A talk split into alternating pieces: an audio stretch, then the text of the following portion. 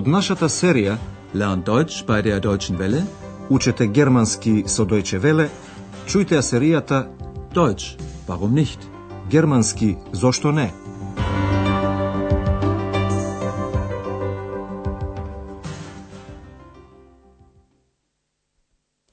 Драги слушателки и слушатели, денес ќе слушнете лекцијата 20 од серијата 3 со наслов Пред да се изгради зидот, Bevor die Mauer kam.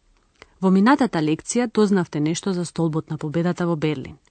Тој подсеќа на завршувањето на германско-француската војна во 1871 година. Таа година беше и годината на раѓањето на Германија.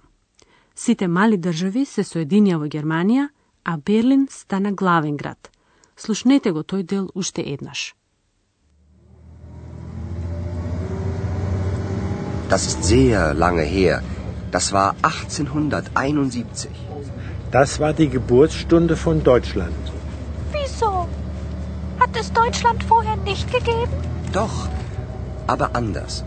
Das waren viele kleine Staaten, aber nicht ein Staat. Und Berlin war seit 1871 die Hauptstadt von Deutschland. War oder ist? Beides.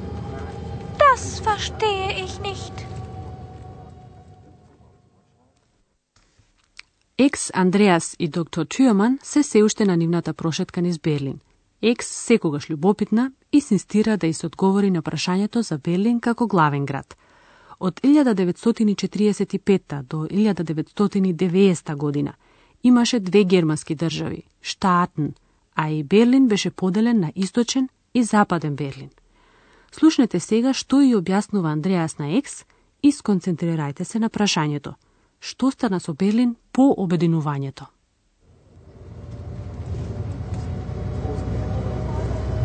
Ist Berlin nun Hauptstadt oder nicht? Also, Berlin war bis 1945 Hauptstadt. Danach gab es ja zwei deutsche Staaten. Die Bundesrepublik Deutschland, die BRD, und die Deutsche Demokratische Republik, die DDR. Als es die beiden Staaten gab, war Bonn die Hauptstadt der Bundesrepublik und Ostberlin die Hauptstadt der DDR. Und heute? Seit der Vereinigung von 1990 ist Berlin wieder die Hauptstadt von Deutschland. Entschuldigen Sie, Herr Schäfer, bevor wir weiterfahren, möchte ich Ihnen das Brandenburger Tor zeigen. Kommen Sie, wir steigen aus.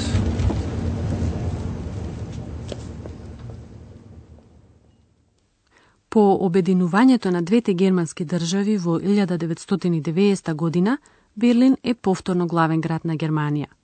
Слушнете го објаснувањето на Андреас уште еднаш поточно. Берлин во 1945 година, значи, до крајот на Втората светска војна, беше главен град. Also, Berlin war bis 1945 Hauptstadt. По Втората светска војна, Германија беше поделена на две германски држави, на Западна Германија, односно Сојузна република Германија, Bundesrepublik Deutschland, BRD, и на Источна Германија, Германска демократска република, Deutsche Demokratische Republik, DDR. Danach gab es ja zwei deutsche Staaten. Die Bundesrepublik Deutschland, die BRD und die Deutsche Demokratische Republik, die DDR. Двете држави има и два главни града. Бон беше главен град на Сојузна република Германија, а источниот дел на Берлин беше главен град на Германската демократска република. Als es die beiden Staaten gab, war Bonn die Hauptstadt der Bundesrepublik und Ostberlin die Hauptstadt der DDR. Како последица на пресвртот во државите на источниот блок во 1990 година беа создадени услови да се спојат двете држави во една. Берлин беше повторно прогласен за главен град. Seit der Vereinigung von 1990 ist Berlin wieder die Hauptstadt von Deutschland. Седиштето на владата се уште е во Бон и се предпоставува дека така ќе остане до 2000 година, додека таа не биде пресерена во Берлин. Во меѓувреме, екс Андреас и доктор Тюаман пристигнаа кај Бранденбуршката капија. Доктор Тюаман вели, пред да продолжиме, сакам да ви ја покажам Бранденбуршката капија. Дојдете, ќе се симнеме. Bevor wir weiterfahren, möchte ich Ihnen das Brandenburger Tor zeigen. Kommen Sie, wir steigen aus. Бранденбушката капија е заштитен знак за Белин, символ за поделбата и соединувањето на Белин. Пред Бранденбуршката капија се наоѓаше зидот кој од 1961 година го делеше градот на источен и западен дел. Доктор Тюаман им го покажува на Екс и Андреас големиот плоштад на кој стои капијата и се сеќава на зидот. Слушнете го. Das ist also das Brandenburger Tor und hier stand die Mauer. Als sie nach Berlin kam, gab es die Mauer noch nicht. Und dann, plötzlich, über Nacht, war sie da. Das war furchtbar. Bevor die Mauer da war, war hier viel los. Man ging durch das Brandenburger Tor von Osten nach Westen, von Westen nach Osten. Aber dann war das plötzlich nicht mehr möglich. Fast 30 Jahre stand hier die Mauer. Man konnte plötzlich nicht mehr weitergehen. Die Straßen waren einfach zu Ende. Ich sehe die Mauer gar nicht. Sie ist unsichtbar, wie du, Ex. Sie ist nur noch ein Souvenir. Ein Stück Mauer, extra für Sie, ein Souvenir. Ein Stück Mauer, nur drei Mark. Kaufen Sie jetzt ein Stück Mauer, bevor es zu spät ist. Ein Stück Mauer. extra für Sie, ein- Доктор Тюаман им ја покажува на двајцата Бранденбуршката капија и местото каде се наоѓаше зидот. Das ist also das Brandenburger Tor. Und hier stand die Mauer. Тој раскажува за себе. Јас, кога дојдов во Берлин, зидот се уште не постоеше. Als ich nach Berlin kam, gab es die Mauer noch nicht. Тој беше изграден преку ноќ, Nacht, за да го спречи понатамошното пребегнување на луѓето од источна во западна Германија. Und dann, plötzlich, über Nacht, war sie da. Фамилии и пријатели на тој начин беа раздвојувани и тие не можеа повеќе да се гледаат. Тоа беше ужасно. Furchtbar. Das war furchtbar. Иако Берлин беше поделен од 1945 до 1961 година, беше можно да се оди од еден дел на градот во друг. По изградбата на зидот, тоа беше веќе невозможно. Доктор Тюаман се сеќава на времето пред изградбата на зидот. Пред да биде зидот, овде многу се случуваше. Се поминуваше низ Бранденбуршката капија од исток кон запад и од запад кон исток. Bevor die Mauer da war, war hier viel los. Man ging durch das Brandenburger Tor von Osten nach Westen, von Westen nach Osten. Но по изградбата на зидот тоа одеднаш веќе не беше можно. Aber dann war das plötzlich nicht mehr möglich. Дури по две години на германците од Западен Берлин им беа дозволени еднодневни посети во Источен Берлин. Кога се одеше низ Берлин, секогаш се доаѓаше до зидот кој го обиколуваше цел Западен Берлин. Доктор Тюеман вели дека улиците тука едноставно завршуваа. Fast 30 Jahre stand hier die Mauer.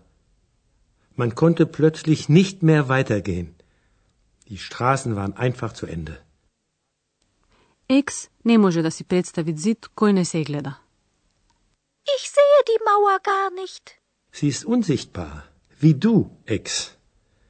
Sie ist nur noch ein Souvenir. Цидот и во права смисла на зборот е сувенир. Парчиња од него се продаваат на туристи кај Бранденбуршката капија. Еден продавач извикува: Купете сега едно парче цид пред да биде предоцна. Kaufen Sie jetzt ein Stück Mauer, bevor es zu spät ist. А сега веќе може да е доцна, бидејќи многу парчиња од зидот се веќе продадени. Ние ќе ви објасниме два начина за образување на временски темпорални реченици.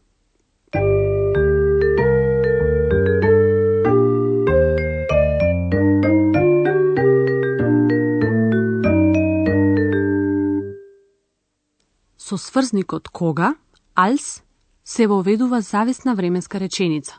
Слушнете еден пример. Als ich nach Berlin kam, gab es die Mauer noch nicht. Како и во сите зависни реченици, така и во овие глаголот стои на крајот од реченицата. Слушнете го истиот пример уште еднаш. Als ich nach Berlin kam, gab es die Mauer noch nicht. Во речениците воведени со als, Действата во главната и зависната реченица се случуваат истовремено. Слушнете друг пример.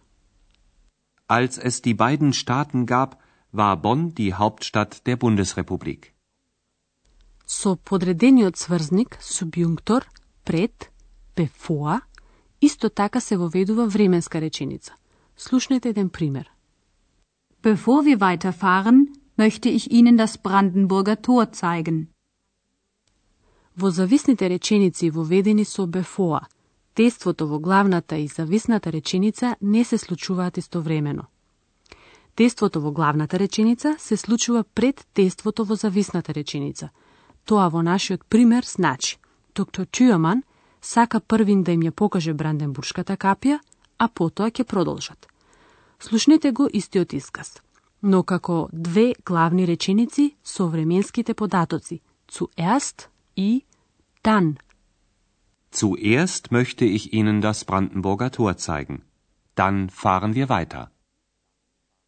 Слушнете го сега уште еднаш тој исказ, искажан како главна и зависна реченица со сврзникот bevor. Bevor wir weiterfahren, möchte ich Ihnen das Brandenburger Tor zeigen.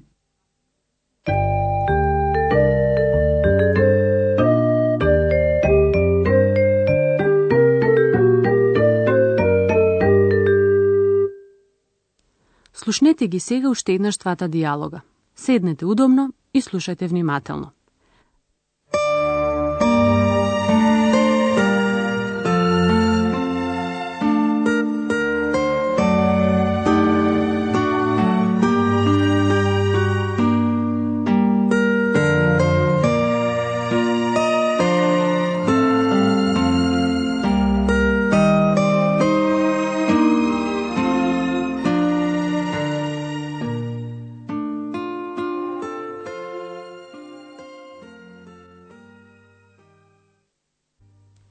Андреас објаснува дека до 1945 година Берлин беше главен град на двете германски држави и дека по обединувањето повторно стана главен град.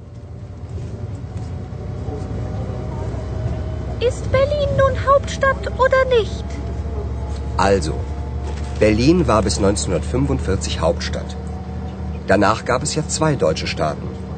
Die Bundesrepublik Deutschland, die BRD und die Deutsche Demokratische Republik, die DDR. Als es die beiden Staaten gab, war Bonn die Hauptstadt der Bundesrepublik und Ostberlin die Hauptstadt der DDR. Und heute? Seit der Vereinigung von 1990 ist Berlin wieder die Hauptstadt von Deutschland. Entschuldigen Sie, Herr Schäfer, bevor wir weiterfahren, möchte ich Ihnen das Brandenburger Tor zeigen. Kommen Sie, wir steigen aus.